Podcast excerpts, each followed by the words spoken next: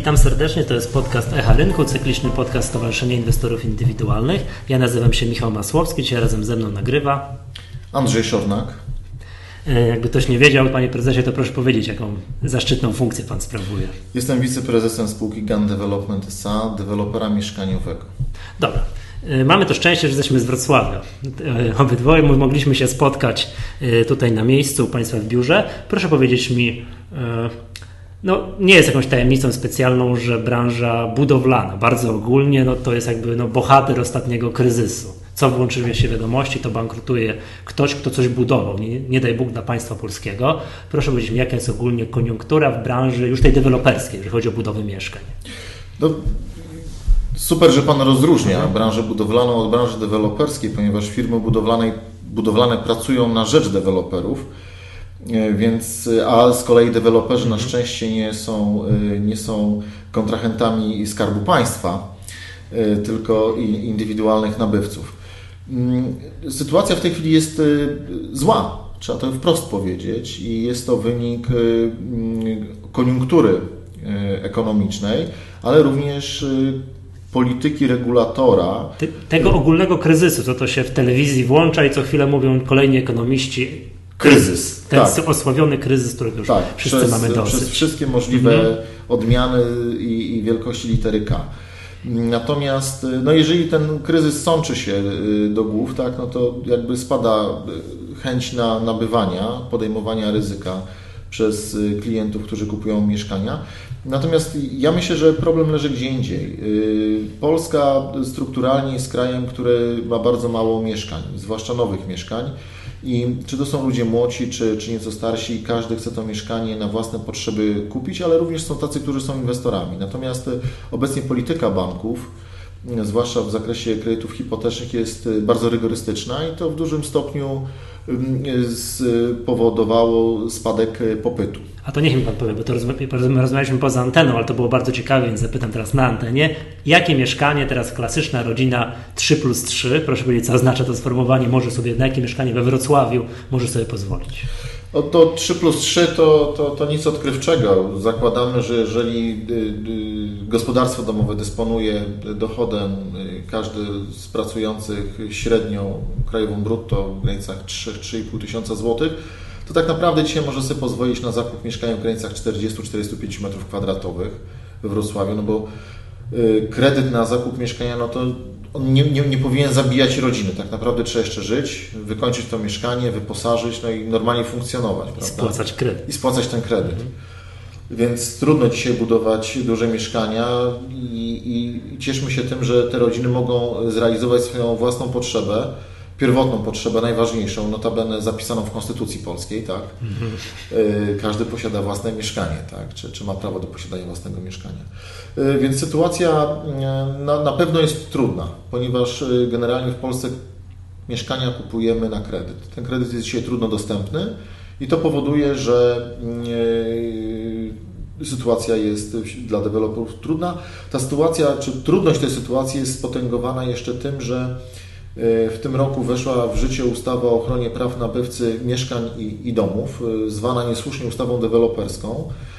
Ta ustawa mm, bardzo rygorystycznie mm, ograniczyła dowolność działania spółek deweloperskich mieszkaniowych. Aczkolwiek muszę powiedzieć, że w przypadku Ganta mm, to nie miało większego znaczenia, dlatego że my zawsze pracowaliśmy z bankami, które finansowały nasze projekty, zawsze pracowaliśmy w trybie rachunku zamkniętego czy, czy, czy rachunku cesji. On ma dokładnie takie same mechanizmy jak rachunek escrow w, tym, w tejże ustawie. Żebyśmy dobrze tutaj słuchacze rozumieli, to polega to na tym, ten rachunek escrow, że konsument, nabywca mieszkania wpłaca na ten jakiś rachunek tak. bankowy i on trafia na państwa, no, na, ogólnie na rachunek dewelopera dopiero po odebraniu pewnych robót, nie wiem, przez bank, przez, czy po zakończeniu całej inwestycji. No sytuacja jest jeszcze inna, mianowicie... Chroni przed utratą pieniędzy, bo gdyby coś, tak, ten deweloper, no, no to nie są odosobnione przypadki, że mogą te pieniądze wrócić na, na konto nabywcy.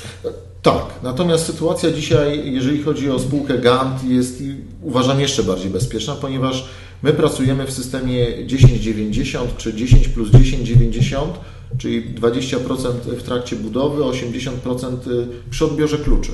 Czyli klient tak naprawdę nie ponosi w zasadzie ryzyka finansowego, mhm. tak? Yy, bo ja jako deweloper biorę to na siebie. Ja, mu ja, ja tylko chcę się z nim podpisać, że on to mieszkanie kupi na końcu. Natomiast gotowy produkt, taki na który się z nim umawiam, dostarczam mu on dopiero wtedy, kiedy przyjdzie i powie: OK, to jest dobro, na które się z Tobą umówiłem, to jest to, co Wpłaca resztę kasy. Wpłaca resztę, resztę kasy. Ach, to prywatnie podzielę się taką uwagą, jakie piękne czasy nadeszły dla kupujących, tak w cudzysłowie. Potem jak ja kupowałem mieszkanie, to mogłem pomarzyć o czymś takim, raczej musiałem wpłacać większość na etapie dziury w ziemi. Ale powiem szczerze, Gant Development pracuje w tym trybie co najmniej od pięciu lat. Byliśmy bodajże pierwszym deweloperem, który pracuje e, w tym trybie w sposób e, ciągły, to oczywiście jest związane z tym, że koszty nasze funkcjonowania, koszty budowy były trochę wyższe. Być może nie osiągaliśmy tak wysokich marsz jak deweloperzy, którzy korzystali ze środków nabywców. Natomiast my uznawaliśmy, ja prywatnie uważam, że kupowanie samochodu na raty w systemie argentyńskim no skończyło się, tak? Aha, czyli że składamy się wszyscy tak. i z tego dopiero coś próbujemy budować. Dokładnie. Tak? Tutaj Gant y, albo inwestował własne środki wypracowane wcześniej, bądź pożyczał środki z banku, tak? A żeby być wiarygodnym dla banku, musiał przedstawić porządny projekt, dobrze sformatowany, dobrze przemyślany, ustrukturyzowany. I dość powiedzieć, że Gant zawsze budował projekty z kredytem, hipote- y, z kredytem budowlanym takim dla dewelopera i dzisiaj również wszystkie inwestycje prowadzimy z kredytem. Mhm, czyli pożyczacie w banku pieniądze, budujecie za to, za to mieszkania, klient wpłaca te 10% około, tak? I dopiero jak już odbieram, to mi się podoba, pozostałe 90% wpłaca. Tak? tak, zresztą prawo polskie jest tak skonstruowane, że dopóki nie ma umowy przeniesienia lokalu, mieszkania, czy nie ma aktu notarialnego, to nawet jak klient wpłaci 100% y, całości ceny i się rozmyśli i skutecznie odstąpi od umowy, może to zrobić. I to nie jest, y, to nie jest żaden y, coś ekstra, co dajemy. Tak polskie prawo stanowi. No to stanowi jeszcze ni niestety tak, to też powiedzmy, że ktoś wpłaca 100%, ale nie zdąży podpisać aktu notarialnego, a deweloper zbankrutuje, to klient ma pecha. Yy, ma pecha, przy czym my tę sytuację wykluczamy w bardzo prosty sposób. Każdy projekt jest odseparowany w oddzielnej spółce, w oddzielnym yy, projekcie, w oddzielnej spółce celowej, co oznacza, że w przypadku zdarzenia, o którym Pan mówi, nie mamy efektu domina albo zarażania się. Tak? Mhm. Czyli jeżeli zdarzyłoby się tak, że mm, jeden projekt zdefaultuje z jakiegoś powodu, upadnie, to nie zaraża innych projektów. Nie ma efektu przenoszenia się. Osobna spółka, osobne tak, kapitały. Tak, oddzielne kapitały, oddzielny byt prawny tak naprawdę. Tak. Oczywiście nad tym wszystkim gdzieś jest spółka GAM Development SA, ale te ryzyka są odseparowane. No rozumiem.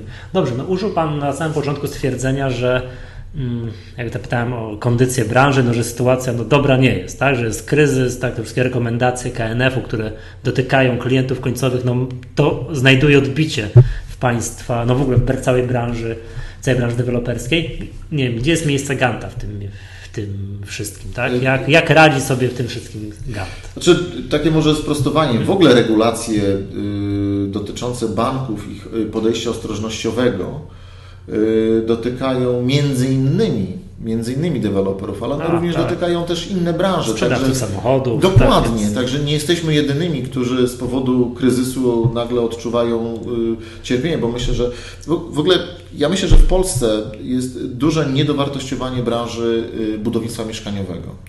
Jeżeli niedowartościowanie? Co to niedowartościowanie. Znaczy? Co to znaczy? Jeżeli spojrzymy, jak duży efekt mnożnikowy wytwarza branża budowlana, budownictwa mieszkaniowego w postaci całego spektrum branż powiązanych, AGD, RTV, tak wyposażenie mieszkań, meble. No tak, to młode małżeństwo, jak już kupi mieszkanie, to choćby nie wiem co, to nie będzie siedziało na podłodze. Kanapę musi kupić i tak dalej, i tak dalej. I, I gospodarka dzięki temu jakoś idzie do przodu. Tak jest. Właśnie. W Stanach wyliczono, że ten efekt mnożnikowy to jest 1 y, do 8 dolarów, czyli 1 dolar zainwestowany w nieruchomości mieszkaniowe, w rozwój tego biznesu daje 8 dolarów efekt, efektu mnożnikowego poprzez inne branże. Później ktoś kupi tak. lodówkę, to ktoś tę lodówkę musi wyprodukować i tak dalej, i tak dalej. Etc., etc., prawda? Więc myślę, że to jest y, rzecz, która nie do końca w Polsce jest y, doszacowana. Ja nie wiem, jaki jest wskaźnik, jaki jest efekt ten mnożnikowy w Polsce, tak? Mhm. Bo ja na ten moment nie znam takiej pracy, która by to prowadziła, ale myślę, że to jest szalenie istotne. Jakie jest miejsce Ganta? W ciągu ostatnich pięciu lat w Europie Środkowo-Wschodniej Gant zajął według rankingu C Investment Report trzecie miejsce. Wybudowaliśmy ponad 3000 mieszkań. W liczbie wybudowanych mieszkań, tak? tak? Super. W ogóle deweloperzy w Polsce no, są najwięksi, tak? Dopiero gdzieś tam na siódmej czy ósmej pozycji są Czesi, Węgrzy, tak? Mhm. Czołówka to są firmy deweloperskie z Polski. Co oznacza, że to chyba już jest taka dość znacząca cyfra ponad 3000 mieszkań.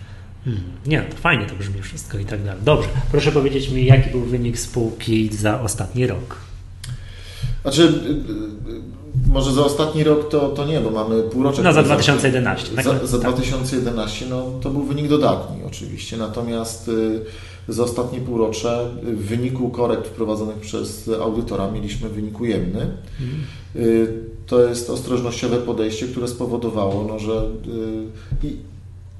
rynek chyba się trochę rozczarował tym, co pokazaliśmy w sprawozdaniu finansowym. No dobra, to że zanim przepływ tutaj chyba nie jest tajemnicą, dlaczego się spotykamy i w ogóle często rozmawiałem, proszę powiedzieć mi, czy kwota 22 milionów złotych pozyskanych z ostatniej emisji obligacji jest w Państwa bilansach, Państwa księgach kwotą znaczącą? Yy, nie, dlatego że yy, nie z, z, znaczy to jest jakby przeprowadzenie tej emisji to jest oddzielny temat, tak? Mhm. Natomiast mhm kwota zadłużenia spółki czy spółek z grupy GAN, bo tak to trzeba rozpatrywać, jest dużo większa. Ona wynosi na dzisiaj ponad 400 milionów złotych. Natomiast trzeba pamiętać, że, że GAN w tej chwili posiada w budowie ponad 1000 mieszkań. Y, w ofercie do sprzedaży mamy cały czas około 900 mieszkań. Więc no to jest y, duża liczba i, i my potrzebujemy środków na prowadzenie nie, no, okay. tych budów. Tak? Ja to rozumiem, no bo to sami wiemy, że mieszkanie nie buduje się za 200 zł. Tak, tak. Y, natomiast co jest ważniejsze? Ważniejsze jest to, że my budując te mieszkanie, sprzedając, hmm. wypracowujemy środki, które spłacają te zobowiązania, te kredyty, spłacają również te obligacje, które my emitujemy, czy wykupujemy te obligacje, prawda? W ciągu ostatnich trzech lat można zauważyć, jakie były wolumeny tych wykupów czy, czy, czy spłat zobowiązań. Dość powiedzieć, że w ostatnim półroczu, już pomijam lipiec, sierpień i wrzesień, ale tylko mm, od stycznia do czerwca spłaciliśmy 112 milionów zobowiązań, a w trzech miesiącach, o których mówię po zakończonym okresie sprawozdawczym, kolejne, kolejne blisko 100 milionów. Okresowo zdarzyć się może tak, że y, przychody, które my możemy rozpoznawać w wynikach, które przychodzą przez sprawozdania, w danym momencie mogą być niewystarczające do pokrycia wszystkich kosztów, które my ponosimy. No jeżeli ja w tej chwili prowadzę równolegle 8 y, projektów, 5 mam w przygotowaniu i, i zatrudniam ponad 100 pracowników, no to to są koszty, które spółka ponosi. Jasne. Dobrze, no ten, jeszcze jakbyśmy o tym, o tym wyniku za ostatni kwartał, z czego wynika ten minus? Za ostatni pół roku. Przepraszam, pół roku oczywiście. Yy, no, z działalności jakby deweloperskie uzyskaliśmy tutaj y, plus. Natomiast y, trzeba też powiedzieć, że spółka posiada bank ziemi, posiada mieszkania, które są do sprzedaży. E, I każda spółka mm, giełdowa jest, jest audytowana, prawda? I ten audyt przeprowadzony przez spółkę audytorską no wykazał, jakby audytor wykazał się tutaj dużą ostrożnością i zalecił nam dokonanie przeszacowania zapasów, mówiąc krótko no jak chyba audytorzy są przestraszeni troszeczkę i raczej ostrożnościowo.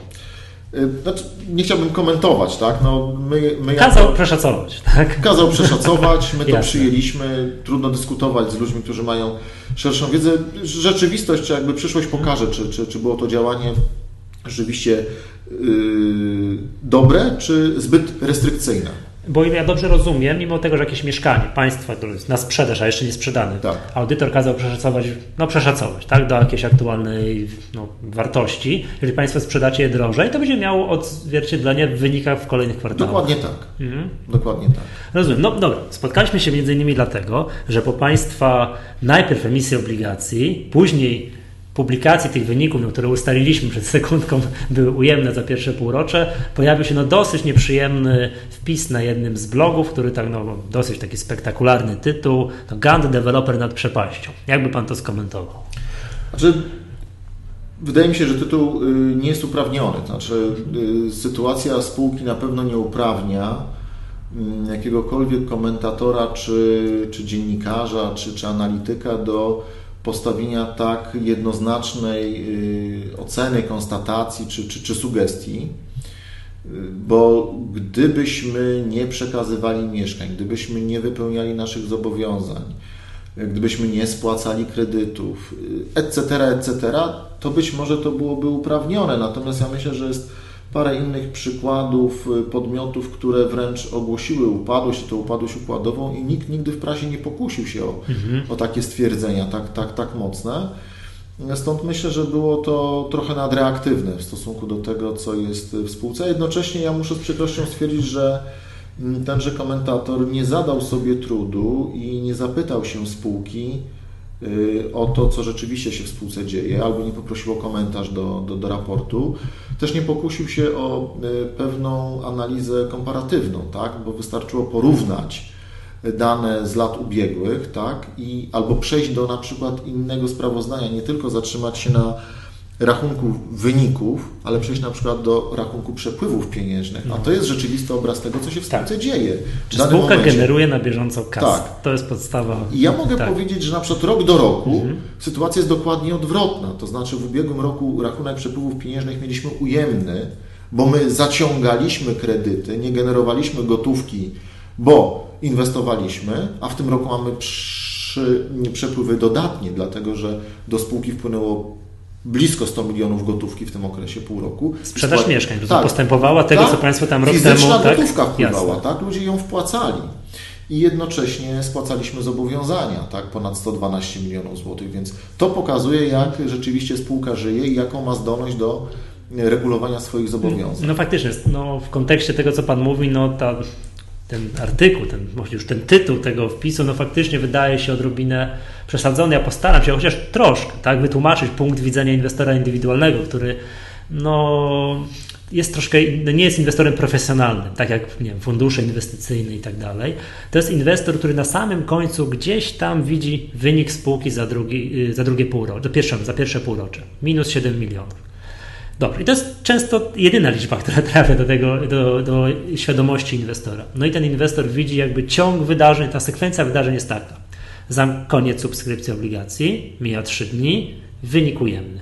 I teraz on sobie może zadać pytanie, halo, halo, przepraszam, czy gdyby była odwrotna sekwencja zdarzeń, najpierw ogłoszenie wyników, a później zamknięcie subskrypcji obligacji, czy te obligacje, które wiemy, no, sprzedały się Państwu, czy tak samo świetnie by się sprzedały? To jest moim zdaniem punkt widzenia przeciętnego inwestora indywidualnego. No, no między innymi dlatego się tu spotykamy, żeby... Ale tego nie wiemy. I tego, to, tego, ja myślę, ale tak. no jest to, takie pytanie, no mi się zrodziło. Tak. No i to, ale no tak ja powiedzmy sobie, no mogę popatrzeć, przeczytać, aha, mniej więcej jest taka sytuacja, ale przeciętny inwestor indywidualny może mieć problem z taką, takich, no jak to? Panie prezesie, tego nie wiemy. Natomiast ja mogę powiedzieć yy, inną, mhm. in, inną historię, inną narrację. Mianowicie uzyskując zgodę na przeprowadzenie tej emisji na podstawie prospektu y, w Komisji Nadzoru mhm. Finansowego, tak, znaczy KNF w żaden sposób nie, nie gwarantuje tych obligacji, ale KNF stwierdził tylko tyle, że na podstawie dokumentów, które spółka przedłożyła, ja dopuszczam tę emisję do publicznej emisji, prawda? I to, to było dla nas bardzo ważne. I w momencie, kiedy my zaczęliśmy y, prowadzenie tej emisji, a to są przygotowania, które są długotrwałe, wybucha cała afera Zambergold.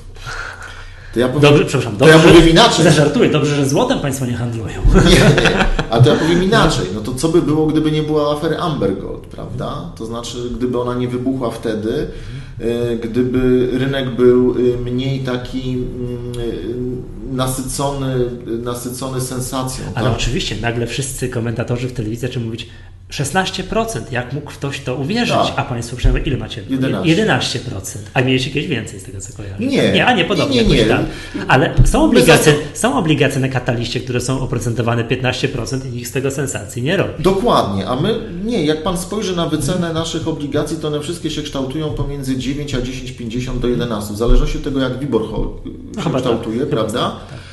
Więc ja tutaj nie zrobiłem żadnego odstępstwa, proszę mi wierzyć, tak? ponieważ ja inwestora indywidualnego troszkę poznałem poprzez y, sprzedaż większych pakietów y, obligacji, wyższych kwotowo, to wiem mniej więcej jaki jest apetyt na ryzyko, czego oczekują, więc ja za, zakładałem, że nasz inwestor indywidualny w takim podejściu retailowym, gdzie oferuje obligacje o nominale 1000 zł, będzie miał podobny apetyt na ryzyko. Tak? I ja zresztą to wychodzę troszeczkę z innego y, założenia, znaczy ja mogę zapłacić za kapitał obcy, który jest dla mnie quasi kapitałem, tak?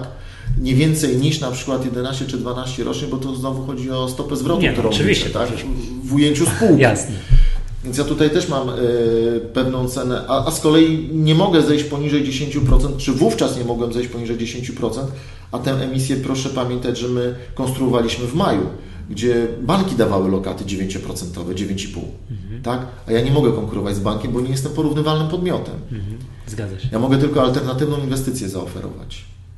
Nie, no ja rozumiem znakomicie. Ja tylko to przekazałem jakby ten punkt widzenia Yy, inwestora indywidualnego, to ta sekwencja tak, zdarzeń. natomiast ja wytłumaczę się, Ja domyślam się, że Państwo to planowali, no nie teraz, parę dni temu, tylko to jednak jest proces Prospekt kilkumiesięczny, Prospekt prawda? emisyjny zaczął się pomie- koniec stycznia, początek lutego tak naprawdę w KNF. Więc O, y, pi- pierwotne założenia były takie, że się w maju ta emisja odbędzie.